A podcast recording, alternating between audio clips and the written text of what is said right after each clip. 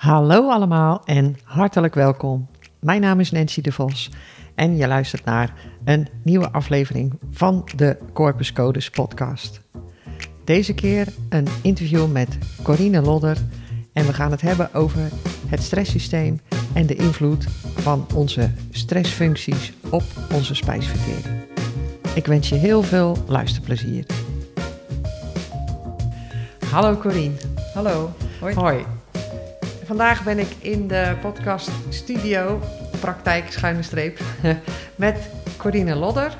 En Corine Lodder is uh, co-auteur van het boek Leefstijladviezen afgestemd op je bodytype. Ja. Voedingsexpert, diëtist en uh, leefstijlcoach.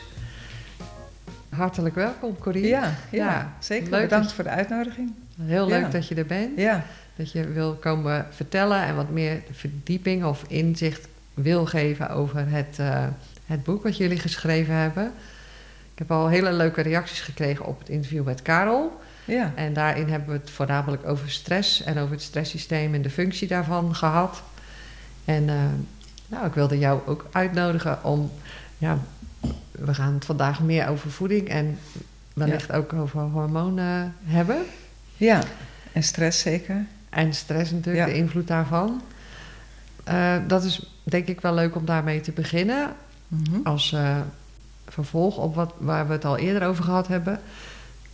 Uh, hoe is een zo'n stresssysteemreactie nou van invloed op, het, op de manier waarop het lichaam met voeding omgaat? Met voeding omgaat ja. ja. Ja, het stresssysteem, nou, Karel heeft er vorige keer al veel over verteld, dat, dat is zo prominent aanwezig hè,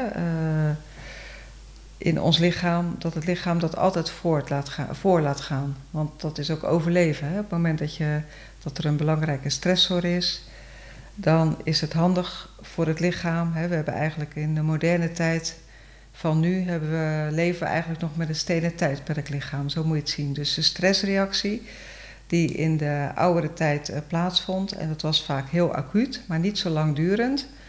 Uh, dat mechanisme zit nog in ons eigen lichaam. Uh, dat noemen we ook wel eens de fight or flight or freeze reactie. En dan wil het lichaam handelen en doen. En dan worden een aantal dingen stilgelegd.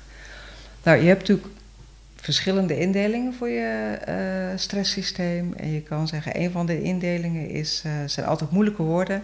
Maar ik heb daar ezelsbruggetjes voor mezelf voor bedacht. He, je hebt het orthosympathicus en de parasympathicus. En de ortho is sporto, dat is mijn ezelsbruggetje. En sporten, dat ervaart iedereen van nou, dan gaat je lichaam aardig. He. Je ademhaling gaat hoog, je bloed gaat beter doorstromen. Uh, je bent gewoon eigenlijk in de, de fight-reactie. Je wil wat gaan doen. Ja. Ja. En die, die uh, want wat gebeurt er met de spijsvertering op het moment dat ortho-sporto ja. het meest aanwezig is? Ja, die gaat altijd voor hè, op het moment dat er een uh, trigger is waardoor het lichaam stress ervaart. En dat maakt niet uit of dat mentale stress is of emotionele, ja, sociaal, emotioneel of ja. echt stress vanuit het lichaam, dat je ergens een wond hebt of pijn hebt. Dan gaat er een stresssysteem uh, in en dan gaat dat ortho-systeem aan. Dat wil zeggen dat dat aan de andere kant, dat heet dan de parasympathicus. En ortho wil zeggen het actieve systeem, dus het stresssysteem. En de parasympathicus, dat is de andere kant. Dat wil zeggen het rust- en herstelsysteem. Ja. In het Engels zeggen ze ook wel eens rest en digest. En dan heb je het gelijk al, digest betekent verteren. Ja. En op het moment dat uh, het stresssysteem aanstaat, dus de ortho-kant, dan wordt de parakant, de andere kant, altijd gedempt. Ja, en dat betekent dan dus dat je minder goed kan spijs verteren ja. op het moment dat je lichaam in een vecht- of een vluchtreactie ja. zit. Ja. Dat is ook wel heel logisch, hè, want op het moment dat je aan het overleven bent, als je stressreactie hebt, hè, dat is de oude reactie, dat, Mm -hmm. dan moet je wat gaan doen. Ja. Je moet vluchten, vechten, in de boom klimmen of wat anders doen. Dan heeft je lichaam eigenlijk geen voldoende energie of bloed om dat naar je spijsvertering te laten gaan. Wellicht heb je dat vroeger misschien ook wel eens gehoord, dat je als kind uh, waren de zwembaden s'avonds nog open en dat je dacht van nou, ik wil s'avonds wel gaan zwemmen. Maar dat er gezegd wordt, ja, maar dat moet je niet doen net na het eten. ik weet dat dat thuis ook altijd bij mij gezegd werd. En dan dacht je, ja, maar ik wil graag naar het zwembad. En dan denk je, ja, wat zou er dan gebeuren, weet je wel? Dan zei ze, nee, dat is slecht voor je. Nou, waarschijnlijk wisten mensen wel dat op het moment dat jij uh, net gegeten hebt s'avonds... een uh, behoorlijke warme prak om zes uur... en je wil om half zeven weer naar het zwembad gaan... ja, dan is eigenlijk je lichaam uh, is al begonnen met het verteren. Dus heel veel van je bloedvoorziening gaat naar je spijsverteringskanaal. En daar hebben we ja, heel veel meter van en een heel ja. groot oppervlak. En dan wat je zegt is, je, je kan dus eigenlijk niet zo goed actief zijn als je net een grote dikke maaltijd gegeten hebt. Ja, nou dan is, zit al je bloed uh, is naar je spijsverteringskanaal, hè, want daar, daar moet heel veel energie naartoe. Hè. Dat moet, het kost ook heel veel energie voor je lichaam om dat te verteren. Maar op het moment dat er dan een stressreactie komt en dan zeg je ja, zwemmen is toch leuk, maar dan is mijn ezelsbruggetjes van toepassing, ortho, sporto, ook als je gaat sporten, ook al hè, uit vrije wil, dat neem ik aan, en dat je dat leuk vindt, dan nog ervaart jouw lichaam dat als stress. Ja, ja en dat is ook een, uh, uh, wat we natuurlijk vorige keer bij het Karel bespraken, dat de uh, stress staat natuurlijk vaak in een kwaad daglicht. In ja. de zin van hm. dat je of overwerkt of emotioneel ja. in een negatieve spiraal zit. Of, Meestal denken we aan stress mentaal, ja. hè? Ja, of maar, van nou ja. Uh, het is natuurlijk ook een functioneel uh, systeem wat je nodig hebt om überhaupt te kunnen sporten. Ja, ja dus het, het, is logisch dat het aangaat. Hè? Jij, jij ja. ervaart ook en je gaat ook vooruit op het moment dat je dat systeem aan het trainen bent. Ja. Hè, maar dat is een beetje de moderne tijd dat wij gaan sporten om ons lichaam gezond te houden. Dus af en toe je stresssysteem aanzetten, houdt ons lichaam ook gezond. Ja. Nou, dan weer even terugkomend, wat gebeurt er dan? Dat stresssysteem gaat altijd voor. He, want in de oertijd, uh, en je werd aangevallen of kijk naar een, een roofdier, op het moment uh, dat hij een andere prooi ziet, kan dat beest niet zeggen van ja, sorry hoor, maar uh, ik ben even aan het eten, nou, kom later maar terug. En ik ben ja. aan, aan de gaan digesten. Ja, ja. ja. Nou, wat gebeurt er dan als je als kind inderdaad, hè, zo'n, je hebt je, je prak op en nog een toetje erbij en je gaat daarna gelijk naar het zwembad. Ja, dan gaat je lichaam in een soort stressreactie komen. Want je gaat bewegen, je gaat op je fiets naartoe en dan nog uh, zwemmen. He, al je vriendjes en vriendinnetjes zijn er. Dus die ervaart dat van, oeh, dan gaat dat stresssysteem aan. Dus dat is belangrijk, dat is overleven. Dus ik ga al mijn bloed uit mijn spijsverteringskanaal trekken. En dat moet naar die spieren, ja. he, want er wordt bewogen. Ja. Nou, en dan krijg je last van je maag en darmen. Ja. En dat werd vroeger natuurlijk bedoeld van, ja, dat is niet goed voor je. Want je krijgt dan buikpijn, uh, je kan last van maagzuur krijgen, oprispingen, opboeren, uh, misschien een hele opgeblazen buik. Hè, misschien gooit je lichaam het eruit dat je misselijk wordt. Ja. Of dat je uh, ja, diarree krijgt of zo. Alle vormen die je maar kan bedenken die te maken hebben met het spijsverteringskanaal... kunnen te maken hebben met het stresssysteem. Ja, en als dat natuurlijk een keertje voorkomt, hm. dan zal dat heus niet zo uh, een grote gevolgen hebben, denk nee. ik. Maar als het natuurlijk lang, langdurig uh, dezelfde eigenlijk stressreactie aanwezig Mhm. mm -hmm. is, dan uh, kan dat denk ik wel serieuze ja. gevolgen hebben voor je spijsvertering, voor het functioneren in het algemeen. Dus. Ja, ik zeg altijd, het is altijd makkelijker om te bedenken wat er in het lichaam gebeurt als je denkt aan een hele heftige stress. Mm -hmm. Want dan herkent iedereen het, hè? Ja. Want de mensen zeggen ook, ja, maar als ik enorme stress heb, hè, stel dat je iets heel heftigs hebt meegemaakt of een overlijden van iemand in je nabijheid wat je helemaal niet uh, verwacht had, dan kunnen mensen echt zeggen van ja, ik moest daar gewoon van overgeven of braken. Hè, of ik moest ineens uh, nou, naar het toilet. Hè. Ja. Je hoort vaak bij verkeersongelukken dat mensen ook hè, de plas of de, de ontlasting laten lopen. Ja. Het lichaam komt in zo'n acute stress en dan wordt alles ge, gepompt naar het stresssysteem. En het spijsvertering wordt even helemaal losgelaten, zeg maar. Ja. Nou, dat herkennen we wel. Nou, wat gebeurt er bij onze huidige stress is vaak chronische stress. Hè? Uh, ja, heel veel mensen zeggen dan van ja, ik ben niet zo gestrest. Maar zou je ze gaan meten of zou je doorvragen? Dan zeggen ze ja, ja, ik heb het toch altijd wel druk en ik merk wel Hè, dat ik wel uh, hè, allerlei klachten heb die toch een beetje op stress gebaseerd zijn. En dan noemen we de chronische stress. Hè, of dat kan misschien, ja, zelfs op dit moment hebben heel veel jongeren last van stress. Hè, dat als ze nu 20 zijn en ze hebben al veel stress, en als ze 60 zijn, is dat waarschijnlijk nog zo. Ja, en wat, ehm, nou als iemand dan langduriger dus in, een, eh, in die eigenlijk Mhm. eh, niet meer functionele ortho-sporto-modus ja. eh, zit. Ja. En dan heeft dat natuurlijk, eh, wat je vertelt, Ja. hè, de- ook zijn uitwerking op hoe je spijsvertering functioneert. Dat, dat gebeurt al vanaf het acuut moment. En als het niet meer overgaat, dan wordt het langzaamaan een chronische ja, stressreactie. Ja, blijft het altijd aanwezig. En heel En- veel en- mensen ervaren dat dan ook niet zo, want het is, hoort gewoon bij je. Hè? ja, Weet je wel, zelfs als dat je eh, flink dicht bij een, een geluidsbron woont of zo, of stel dat er ineens eh, hè, allerlei vliegtuigen overkomen, dan merk je dat in het begin. En als je dat een week, een paar maanden gewend bent, dan merk je dat niet meer. Hè? Nee, Jouw lichaam is eraan gewend. Jij vertelt dat in je boek ook. Dat je, Ja. Jij bent zelf opgegroeid in Pernis, hè? Ja, En eh, onder de rook van de, Ja, van de schoorstenen. Ja. ja. Ja. En eh, ja, eigenlijk wel heel veel stressoren. Ja. Hè, ik eh, woon inmiddels in Zeeland. Ik ben nou 30 jaar weg uit Penis. Heb daarna nog wel in Rotterdam gewoond. En eh, eh, daarna wel steeds rustiger. Maar ik kom nog wel regelmatig terug in Penis. Ja, dan heb je natuurlijk toch wel, dan merk je, oké, de Benelux-tunnel is verbreed. Veel geluid. eh, de industrieën hebben wel minder geluid, maar af en toe nog wel meer. Vooral ook wel luchtverontreiniging. Hè, die af en toe als je daar over de Botlekbrug rijdt, dan denk je, oh, ik ruik wel weer dat, eh, dat we weer eh, thuis zijn, zeg maar. Jij herkent Ja. eh, die geur. Ja, Ja, ja, dat zijn eigenlijk dan- allemaal stressoren. En je systeem heeft daar zich wel op kunnen aanpassen. Maar het is toch een stressfactor. Ja, dus je lichaam moet zich daarop aanpassen. En de ene stressor is voor het ene lichaam minder serieus als voor de ander. Maar dat weet je vaak niet, hè? nee, nee. En Nee. daar komt dan ook het genetische Ja. profiel wel weer om de hoek Ja. kijken. En wat voor een effect heeft het? Wat gebeurt er met de spijsvertering als iemand last, last heeft, of misschien Hm. het niet eens merkt, maar dat het lichaam eigenlijk in een soort chronische aanstand, stressmodus eh, staat? Wat ik net zei, die acute eh, dingen, dat herken, herkennen mensen soms wel. Hè? En die snappen dat ook wel. Dat je eh, nou ja, dat acute ook heel intensief ineens gaan touwtjes springen of sporten. Dan merk je ook van, oh, mijn eten komt omhoog. Hè? Dat Ja. hoor je vaak mensen zeggen.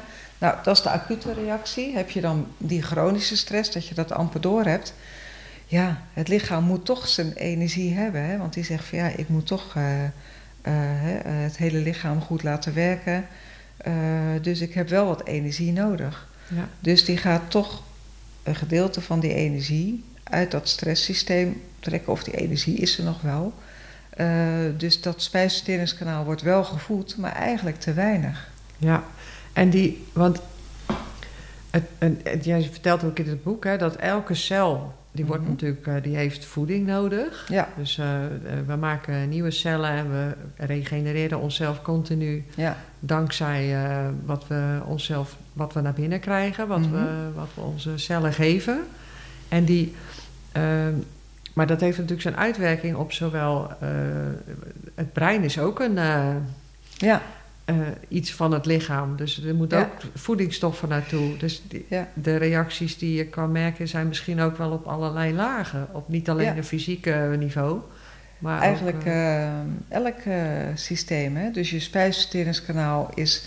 Ja, ik- ik zeg ook altijd tegen mensen als ze zeggen: ja, maar is voeding dan zo belangrijk? Hè? Vooral voor eh, bijvoorbeeld ten aanzien van een, een voorbeeld van het hoofd, depressie of zo, hè? Mhm. of, eh, of eh, ADHD. En dan ja, is het voor mij dan ook heel vreemd dat mensen denken: van ja, maar alles wat in het hoofd gebeurt, dat is toch anders als dat ik pijn heb in mijn buik. Hè? Of een blessure heb aan mijn kuit.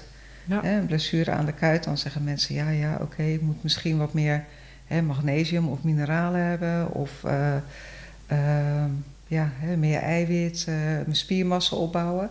Maar zodra iets het hoofd betreft, hè, of eh, psycho-emotionele klachten, dan zeggen mensen vaak: oh ja, maar heeft voeding daar Wat dan kan ik invloed daar op? nou mee Ja. met voeding? Ja, ja. Ja. inderdaad. Maar, daar kan je dus wel heel veel mee, Ja, zeg jij. Ja, nou allereerst is het belangrijk, kijk, alles, ik zeg altijd wat jij, eh, wat jij verwacht van het lichaam, hè, wat jij net aangaf, Elke cel wordt één keer in de zoveel tijd opnieuw aangemaakt.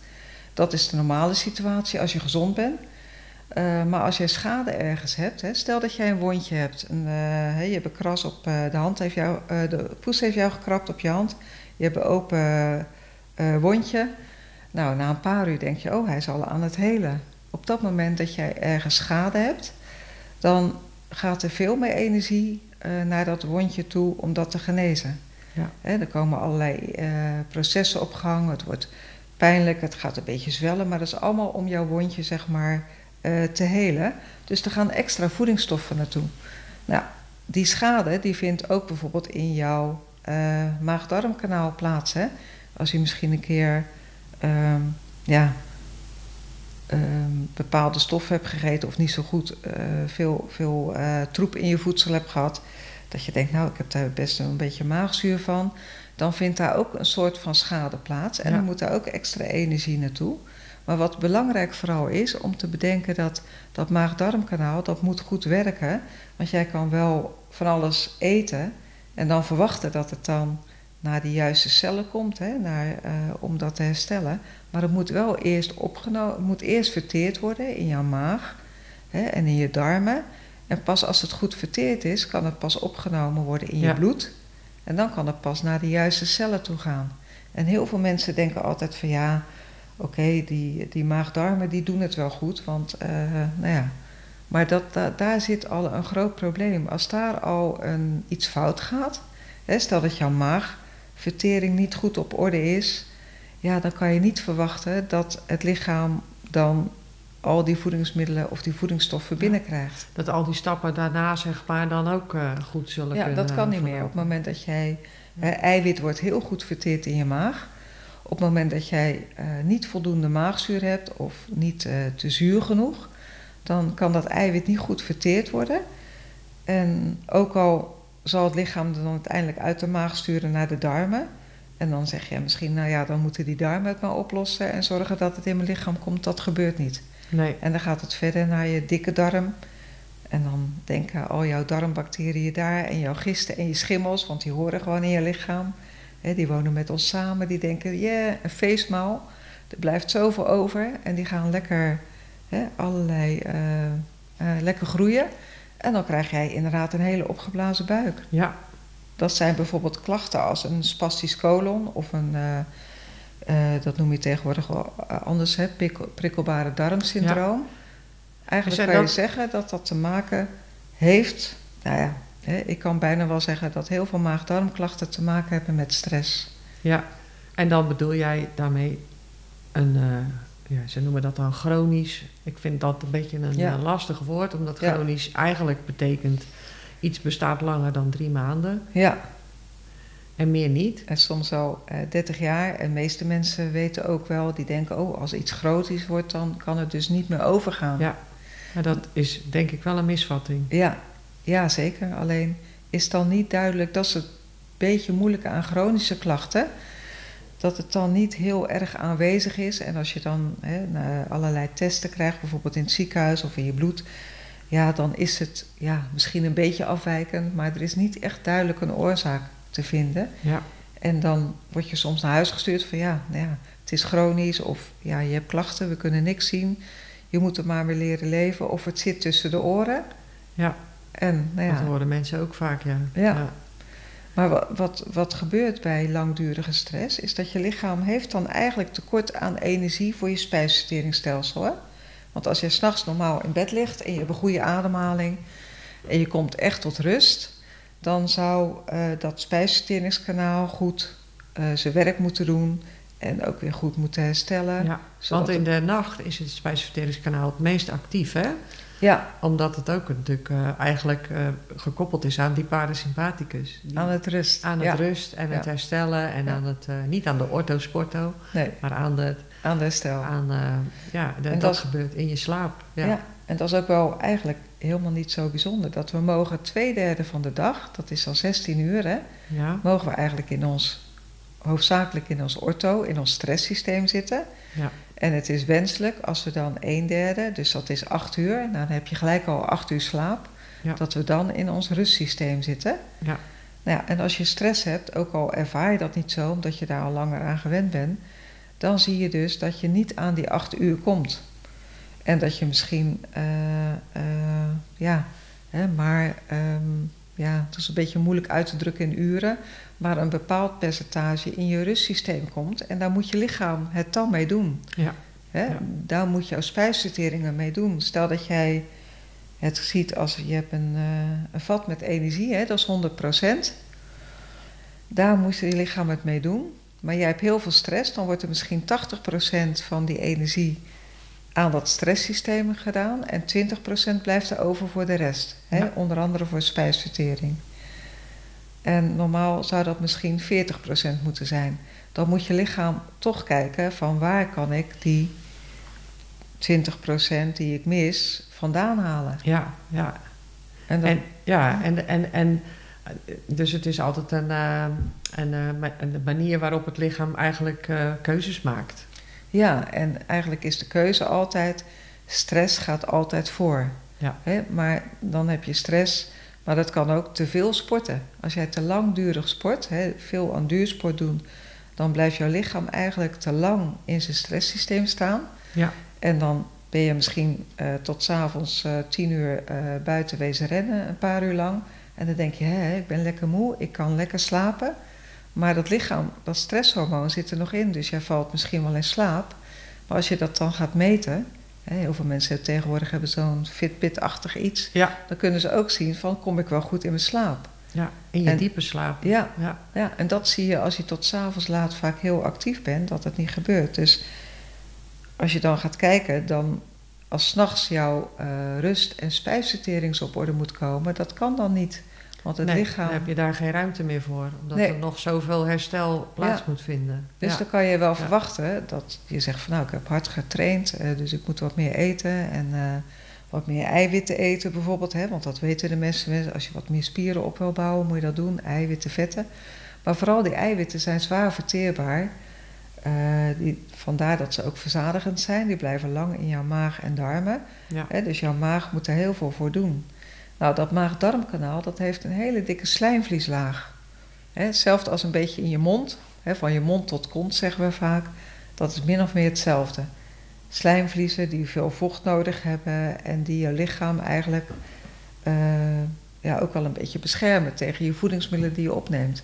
Nou, als jouw lichaam langere tijd te weinig energie krijgt, om dat allemaal goed te onderhouden, dan gaat je lichaam toch een beetje energie weghalen van die slijmvlieslaag. En wat gebeurt daar dan mee met die slijmvlieslaag? Ja, die zit echt in je maagwand, hè, een hele Mhm. dikke slijmvlies, beschermer. Hè, daar worden ook stoffen gevormd, daar wordt je maagzuur gevormd. Nou, iedereen weet als je wel eens een keer gebruikt hebt hoe zuur dat is. Ja, Hè, maar dat is nodig om, eh, om je eiwit te verteren. En wordt die maagwand nou, die bedekking van die maagwand en die darmwand minder dik, omdat je lichaam gewoon minder energie heeft, dan heb je een dunnere slijmvlieslaag.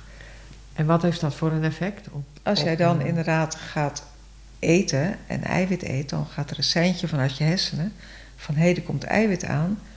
Er in, de, moet, in die maagwand moet er eigenlijk eh, maagzuur gevormd, wordt, gevormd worden. Hè? Er zijn bepaalde processen, enzymen, spijsverteringssappen. Die, willen, die moeten dan dat eten gaan verteren. Maar op het moment dat jouw maagwand niet zo'n goede bescherming heeft, niet zo'n dikke slijmvlieslaag als bescherming, kan die zichzelf gaan verteren. En dat is ook een beetje wat je krijgt als mensen zeggen: Oh, maar ik heb zo'n maagpijn. Of ik heb een, denk aan een maagzweer, hè, een duodenumzweer. Ja. Eigenlijk zijn dat tekenen, Een duodenum is dunne darm. ja, ja. Of een twaalfvingerige darmzweer. Hè. En maagzweren wordt vaak, eh, is een combinatie van al die zweren, maar in dat gebied. En ja, ik weet vroeger als kind hoorde je wel eens dat iemand een maagzweer had. En dan wist je eigenlijk al van, nou, dat is iemand die heeft heel veel stress. En vroeger was een maagzweer echt, toen er nog geen goede medicatie was, was dat best wel heel heftig. Is nog Ja. steeds heel heftig. Maar tegenwoordig, als je heel veel pijn hebt aan je maagdarmen en je gaat naar de huisarts toe en ze zien dat jouw maagwand een zweer heeft of geïrriteerd is, dan kan het ook zijn, dan krijg je een maagbeschermer. Maagbeschermers of maagzuurremmers zijn de meest gebruikte medicamenten. Die kan je gewoon ook in de supermarkt kopen. Ja. Nou, dat is een enkele keer niet erg, maar als mensen natuurlijk de oorzaak niet weghalen, want de oorzaak zou bijvoorbeeld langdurige stress kunnen zijn. Ja. Wat ze niet ervaren, waardoor ze langzamerhand het maag-darmkanaal steeds meer problemen gaat geven. Ja. En hoe zou je voeding dan in kunnen zetten om. Er zijn natuurlijk vele wegen naar Ja. eh, het, het, het, zeg maar, eh, helpen van je stresssysteem om in een betere balans te komen. Dus Ja. eh, die twee derde van eh soort aanstand is oké. Ja. maar die, die andere een derde, dan moet je wel echt goed in je uitstand kunnen komen. Ja, En hoe zou nou, want er zijn natuurlijk meerdere dingen die je daarvoor kan doen, maar eh, welke, welke toevoeging of welke effecten heb, heb, hebben voeding op, eh, op dat systeem? ja, maar ik denk dat het ook van eerst wel belangrijk is om te weten wat doet nou je lichaam als jij in die stressmodus komt. Hè? Wat wil je lichaam dan hebben? Nou, je kan eh, in grof kan je zeggen van het lichaam kan suikers eh, gebruiken als energie en vet. Ja, Hè, we willen altijd liever dat hij vet gebruikt, want meestal zeggen we nou we hebben aardig wat vet. Daar willen we wel Ja, eh, opbranden. Ja, ik wil dat die, eh, dat randje aan mijn buik of eh, aan mijn billen er wel van afgaat. Ja, Maar dat gebeurt bijna nooit. Hè? En dat heeft ook te maken met ook wel een beetje je bodytype natuurlijk. Maar daar komen we misschien later nog op terug. Maar wat heel belangrijk is, op het moment dat jij stress hebt, wil het lichaam, kan het eigenlijk alleen maar zijn energie halen uit suiker ja. en niet uit vet. Is dat ook de reden waarom je heel vaak eh, geneigd bent om meer te snoepen als je, als je meer Ja. op je bord hebt? Of Ja. zeg maar, als je meer stress hebt? Ja, ja.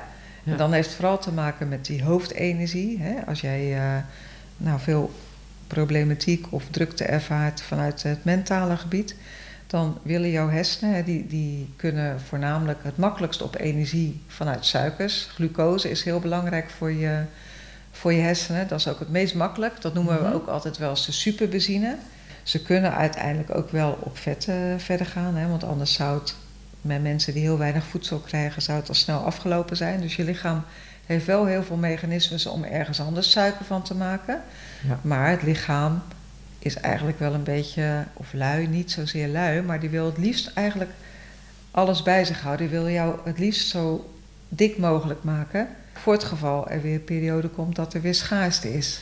En eh, wat je zegt, als ik het goed begrijp, is dat ehm, het lichaam heeft dus wel een voorkeur voor eh, Ja. hoe die, dat het de energie binnenkrijgt. En dus de voorkeur is suikers. Ja, want suikers kost weinig energie om te verteren. Ja, En het komt heel snel in je systeem. Dat Precies. werkt je als jij, als jij eh, trek hebt, je hebt weinig voedsel nog in je maag-darmen en je hebt trek, dan heb je meestal trek in suiker. En als je dat neemt, hè, dat is bijvoorbeeld eh, wat mensen ervaren als ze zeggen: Nou, ik heb echt zo'n trek in een eh, glaasje frisdrank.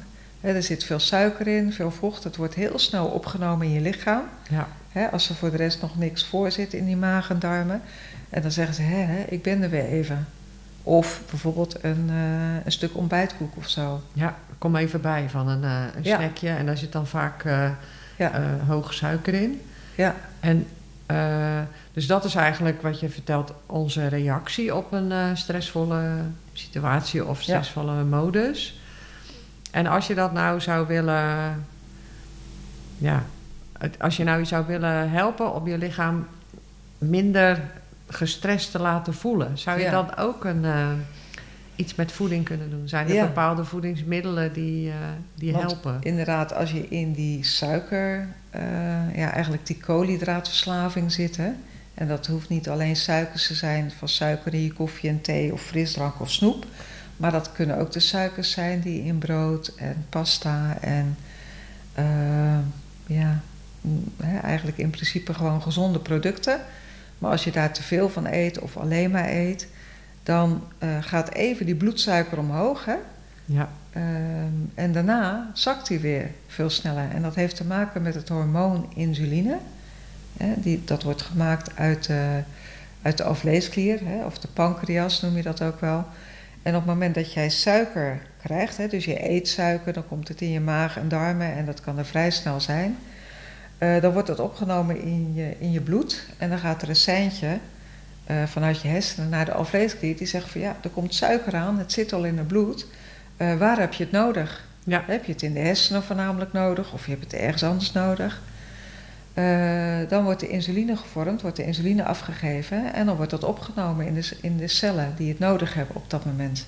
En het bijzondere is dat de cellen in de hersenen geen insuline nodig hebben. Dus die, die zijn eigenlijk al in een bijzondere situatie dat ze makkelijk suiker op kunnen nemen. Ja. Dat is waarschijnlijk ook al zo gevormd vanuit de evolutie dat die hersenen toch wel heel belangrijk zijn dat die erbij blijven. Want dat is de functie.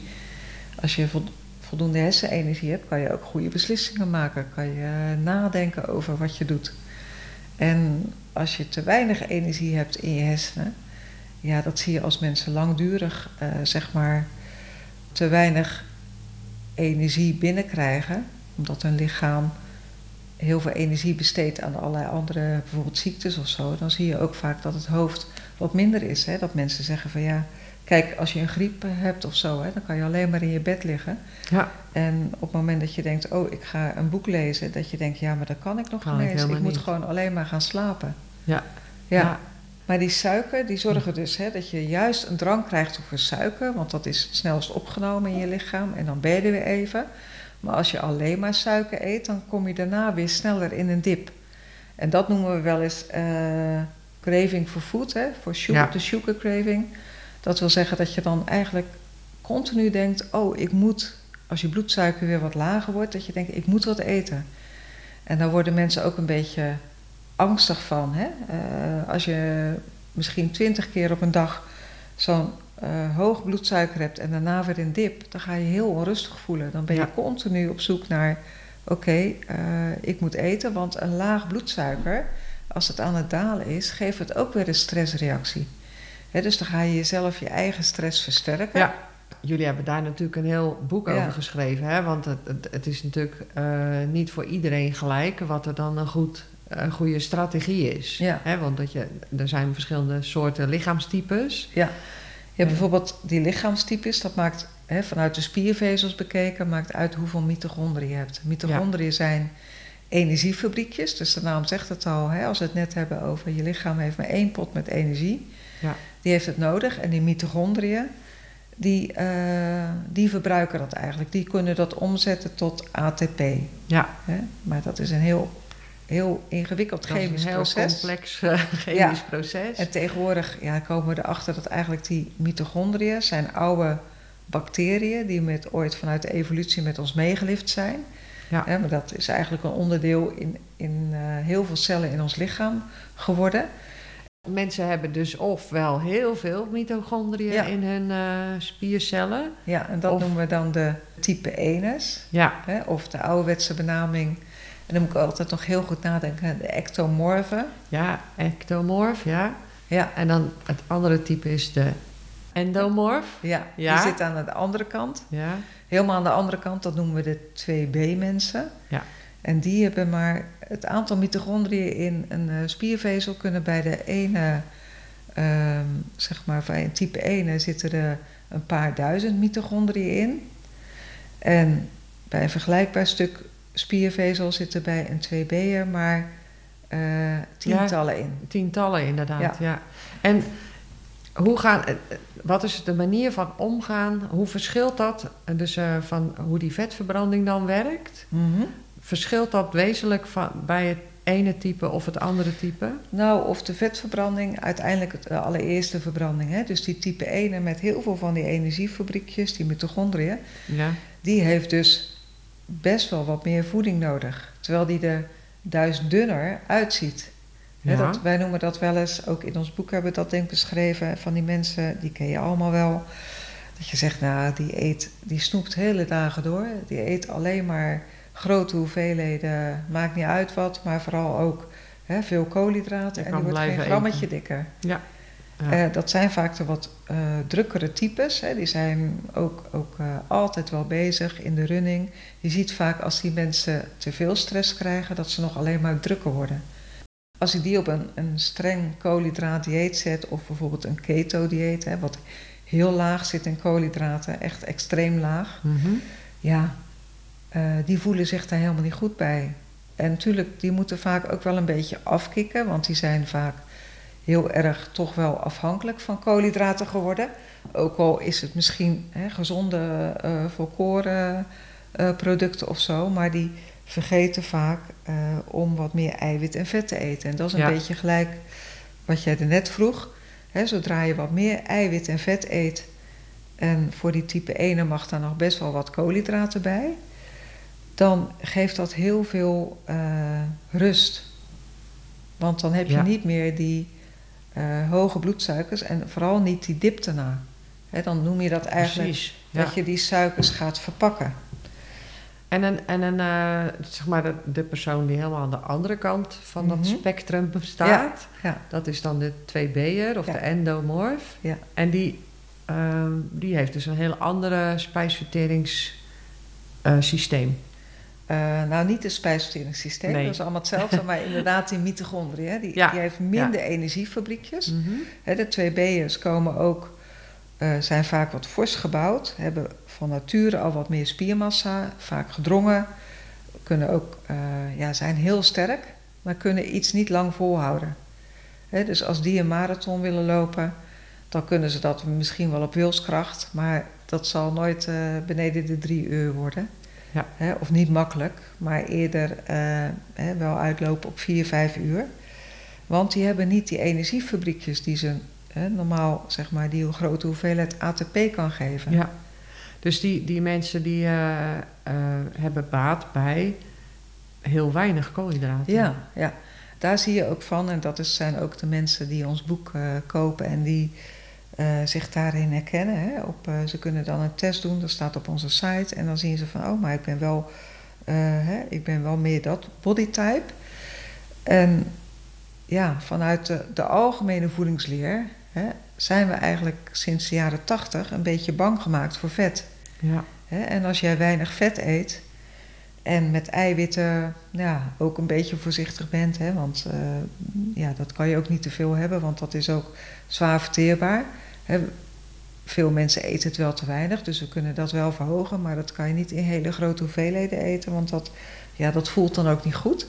Maar als je dan natuurlijk niet zo heel veel eiwit eet, wel voldoende, maar heel weinig vet, ja, dan blijft er niks anders over. Je hebt nog maar één Als groep koolhydraten. als koolhydraten Ja. en alcohol. Maar ik zeg, ja, laten we die even. Dat, Dat is een andere aflevering. ja, dat is eigenlijk een, ander, dat is eigenlijk een soort gelijk suiker. Hè? Eh, Ja. Dus alcohol laten Ja. even erbuiten. Dus dat is eigenlijk eh, vanzelf al dat als je eh, heel vetarm wil eten, dan kom je automatisch hoog in de koolhydraten. Dus mensen hoeven nog helemaal niet het idee te hebben dat ze heel ongezond eten. Maar als zo'n 2B'er eh, ja, vier boterhammen per dag gaat eten, bijvoorbeeld eh, eh, behoorlijke hoeveelheid pasta of aardappelen, nou ja, nog hier en daar wat eh, suiker eet of tussendoortjes met een cracker of zo, dan komt hij uiteindelijk best wel vrij hoog in die koolhydraten. Ja. En omdat hij minder mitochondriën heeft, kan hij dat niet verwerken.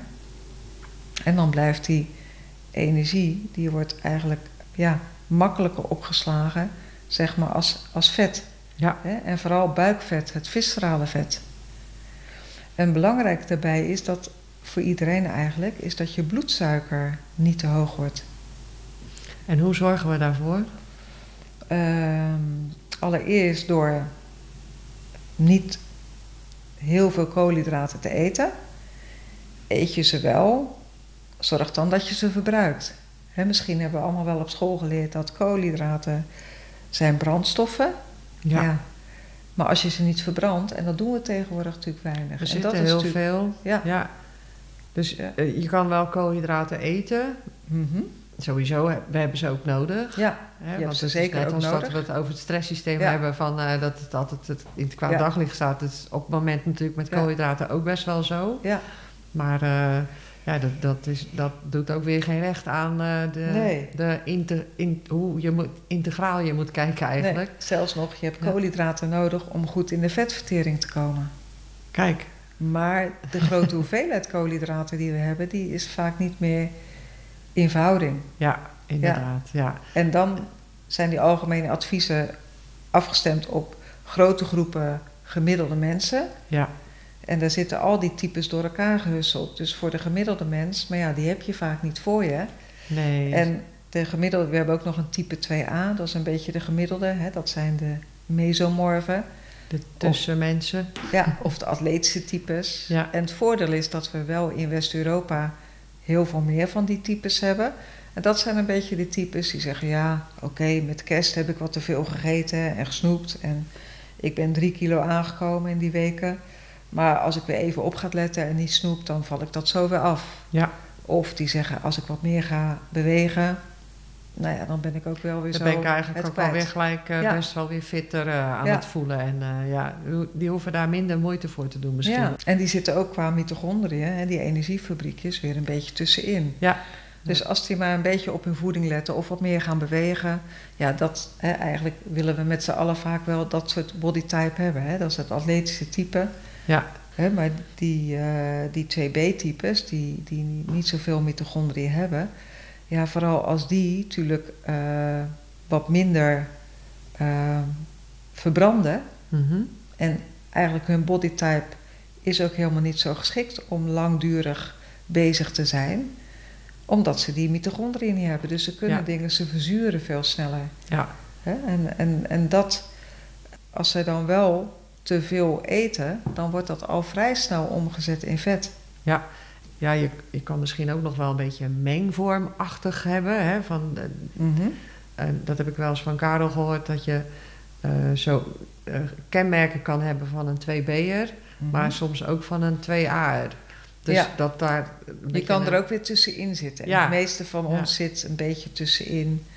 Je bent nooit, bijna nooit, dat zijn eigenlijk een beetje, we zeggen altijd de topsporters. Mensen die echt goed zijn in een bepaalde sport, echte topsporters, dat zijn vaak een beetje de mensen die in het uiterste zitten. Ja, ja. Ja. Maar je kan je lichaam ook omvormen. Hè, naarmate als je een 2A bent en je gaat eh, wat meer richting de duursport doen, dan kan je lichaam meer zelfs een bodytype 1 laten worden. En dan krijg je ook meer mitochondriën. ja, ja. Dus dan zie je eruit wat meer als een type 1er.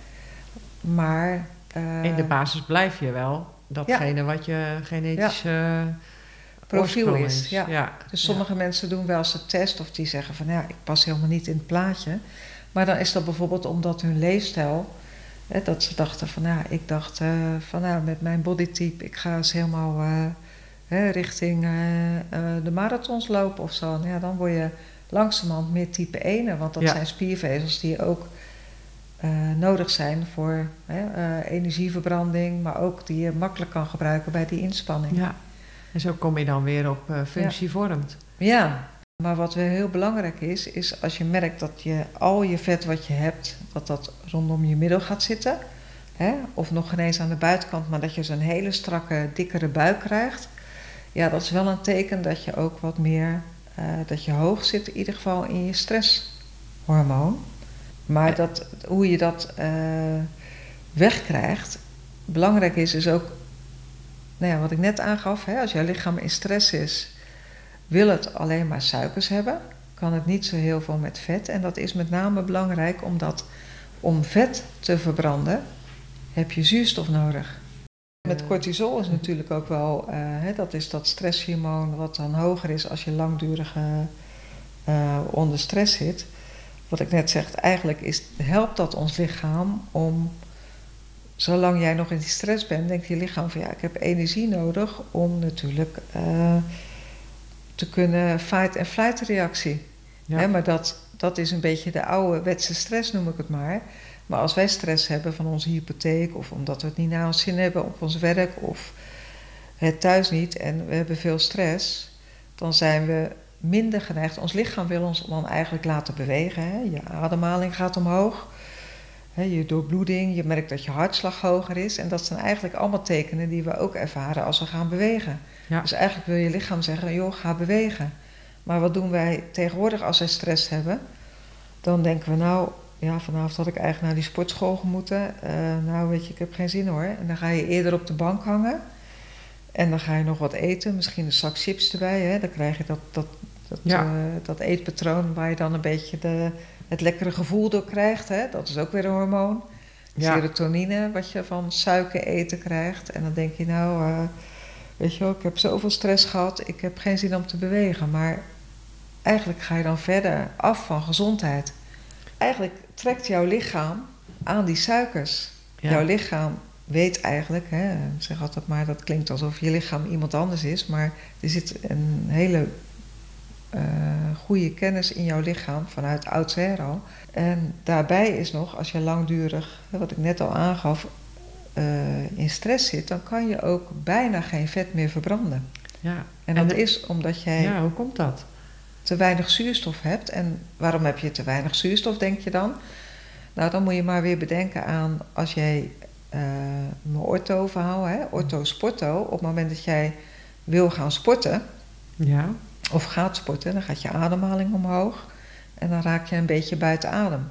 Nou, dat is heel functioneel, hè, want je moet dingen gaan doen, je spieren moeten beter de bloed worden. Maar als jij chronische stress hebt, maar het kan ook gewoon psychische stress zijn, hè, de, de mentale stress, dan gaat jouw lichaam ook die ademhaling omhoog brengen. Dus die krijgt relatief minder zuurstof. Ja. dat gaat dan naar je spieren toe, of je ademhalingsspieren. Ook al ga je niet sporten of ben je dat helemaal niet van plan. stel dat je met die stress, zoals ik net aangaf, thuiskomt en je zakt op de bank met die zak chips. Dan kan nog jouw ademhaling hoog zijn. Ja, precies. Terwijl je helemaal niet in beweging bent of hoeft. En om vet te verbranden, en dat kan je uh, bedenken, ja, als je een vuurtje wil stoken, heb je altijd zuurstof nodig.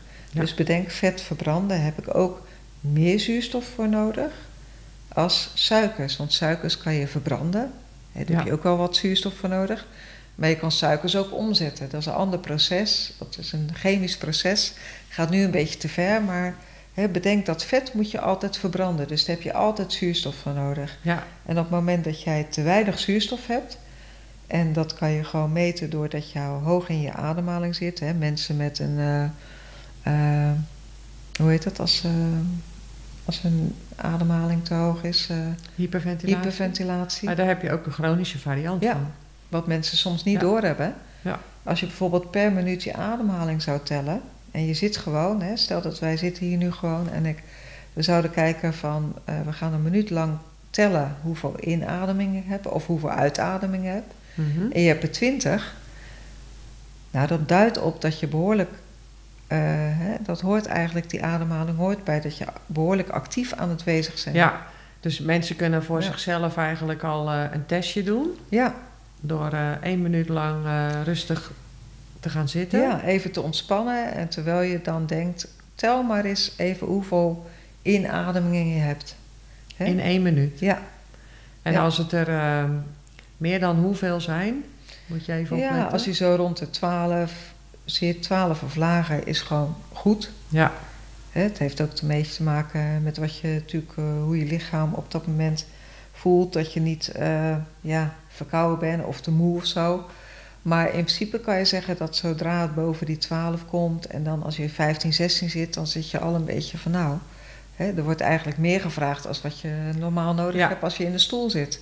Zeker. En uh, dus dat zou je dan al kunnen koppelen aan dat je als je ademhaling dus hoger, mm -hmm. je tempo dus hoger is, dat je dus dan ook eigenlijk al weet, ik, dan zit ik dus niet goed in mijn vetverbranding. Nee, en dan kan je wel verwachten als je uh, s'avonds naar bed gaat, dat je denkt, oh ja, dan gaat mijn lichaam hè, rusten en uh, verteren, ja. rest en digest en herstellen. maar S'nachts zou je relatief, als je goed diep in je slaap bent en een goede ademhaling hebt, zou je relatief het meeste vet moeten verbranden. Ja. Maar als jij s'nachts wel in slaap valt, maar jouw ademhaling is toch nog hoog, hè, je, bent, je hebt gewoon stress, ja. dat kan je dan meten, dan kan je niet verwachten van het lichaam dat hij dat vet, dat kan hij gewoon niet. Nee, dat, dat hij het vet kan verbranden. Ja, ja. ja. En wat gaat er dan gebeuren? Dus dan hou je je vet vast. En vooral dat buikvet, hè, dat wordt veel gevormd door cortisol. Dus dan zeg je van ja, ik ben wel aan het afvallen, maar ik merk dat mijn armen en mijn benen dunner worden. En mensen zeggen mijn gezicht wordt dun en mijn, mijn nek. En dan zeg je ja, oké, ik, uh, maar mijn buik wordt steeds dikker en dikker. Hè? En dat is echt, noemen we ook het stressprofiel. Op Ja. het moment dat jij merkt dat je de rest van je lichaam eerder afvalt. En misschien zelfs dat je eh, spieren af gaat vallen. Maar jouw romp wordt alleen maar dikker en vetter. Ja, dan weet je dat je echt wel uit balans bent. Ja, en dan zou je dus een, eh, misschien een, een eh, meting voor je stresssysteem kunnen Ja, uitvoeren. Of een test, hè. Of een test, ja. Soms zijn er ook hele goede vragenlijsten. Die zijn al zo lang Die zijn ook gecertificeerd.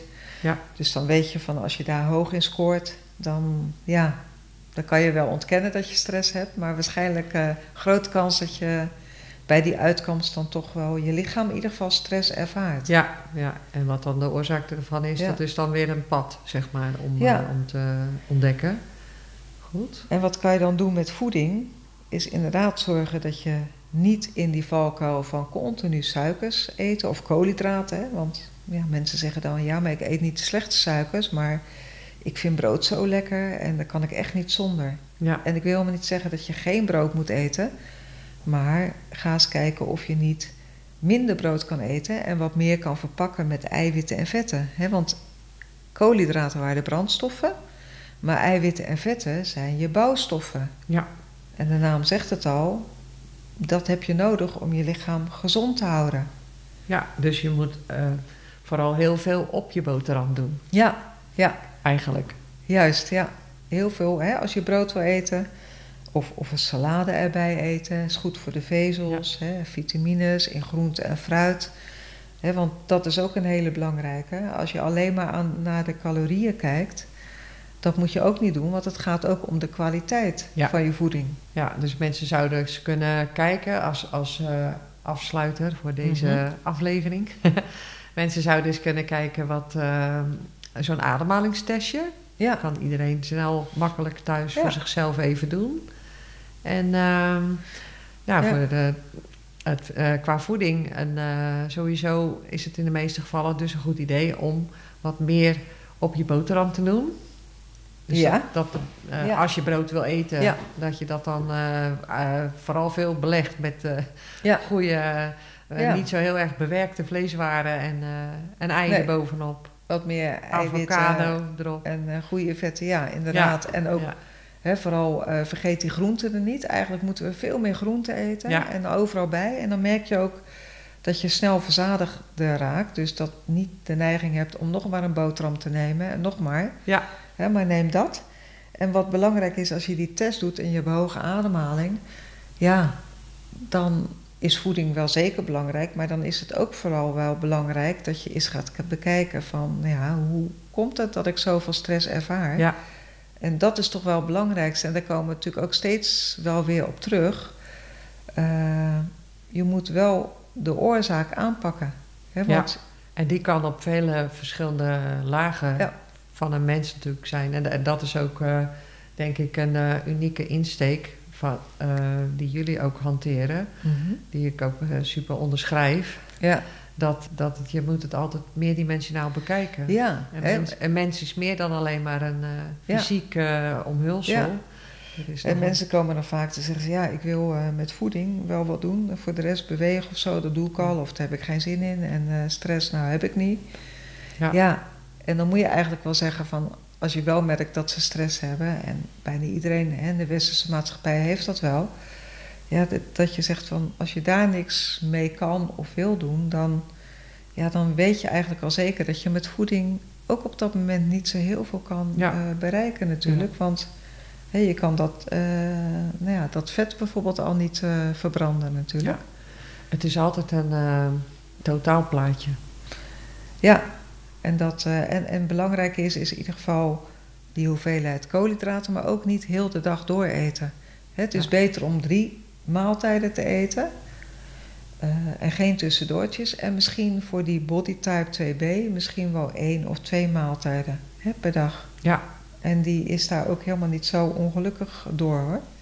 Nee, dat valt ja. best wel mee als iemand daarmee begint. Ja, ja. dat noemen we dan ja. intermittent vasten. Nou, daar kunnen we misschien ook nog wel eens een keer over praten. Ja, dat gaan we zeker doen. Dat is echt heel uh, interessante materie ook. Ja, en je kan natuurlijk veel dingen doen, hè, maar wat jij zegt ook, ook even nog uh, bedenken ook als je veel last hebt van je maag-darmkanaal met opboeren, uh, af en toe diarree, dan weer opstopping. Hè, dat je maagzuur, maagzuurproblemen hebt, dus dat je al langere tijd aan de maagzuurremmen zit. Nou, al dat soort klachten, dan is dat eigenlijk het meest belangrijke om dat al als eerste aan te pakken. En dat is vaak één op één gerelateerd aan die Ja. stress, hè, dus die ademhaling.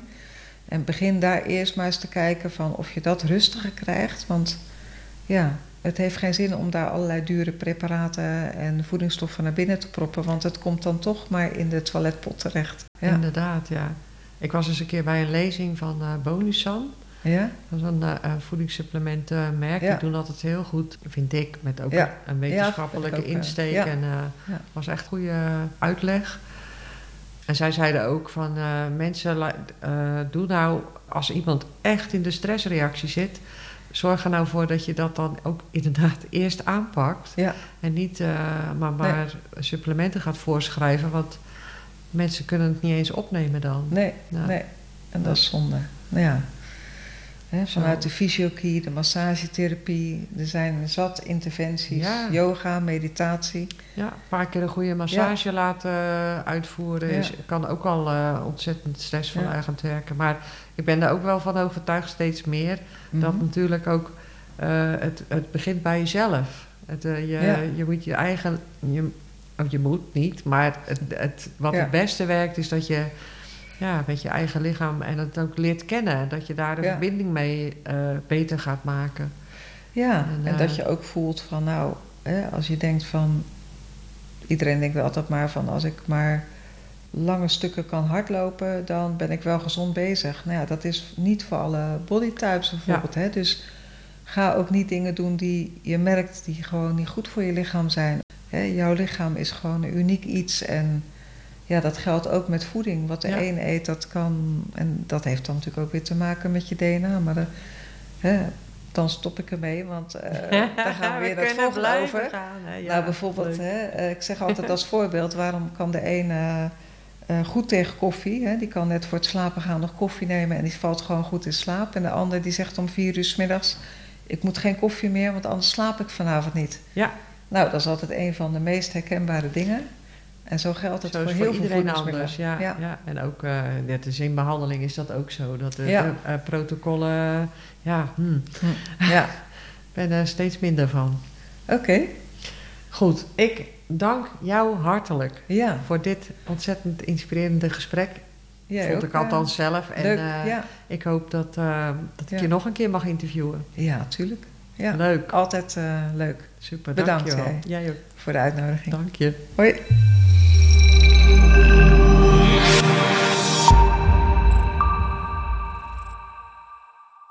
De Corpus Codes is een podcast met integrale dialogen voor het herstelvermogen. Als je wilt meedoen aan de conversatie, neem dan contact op via info keyhealth.nl. Oké, ik ben Nancy de Vos en ik dank jou hartelijk voor het luisteren vandaag.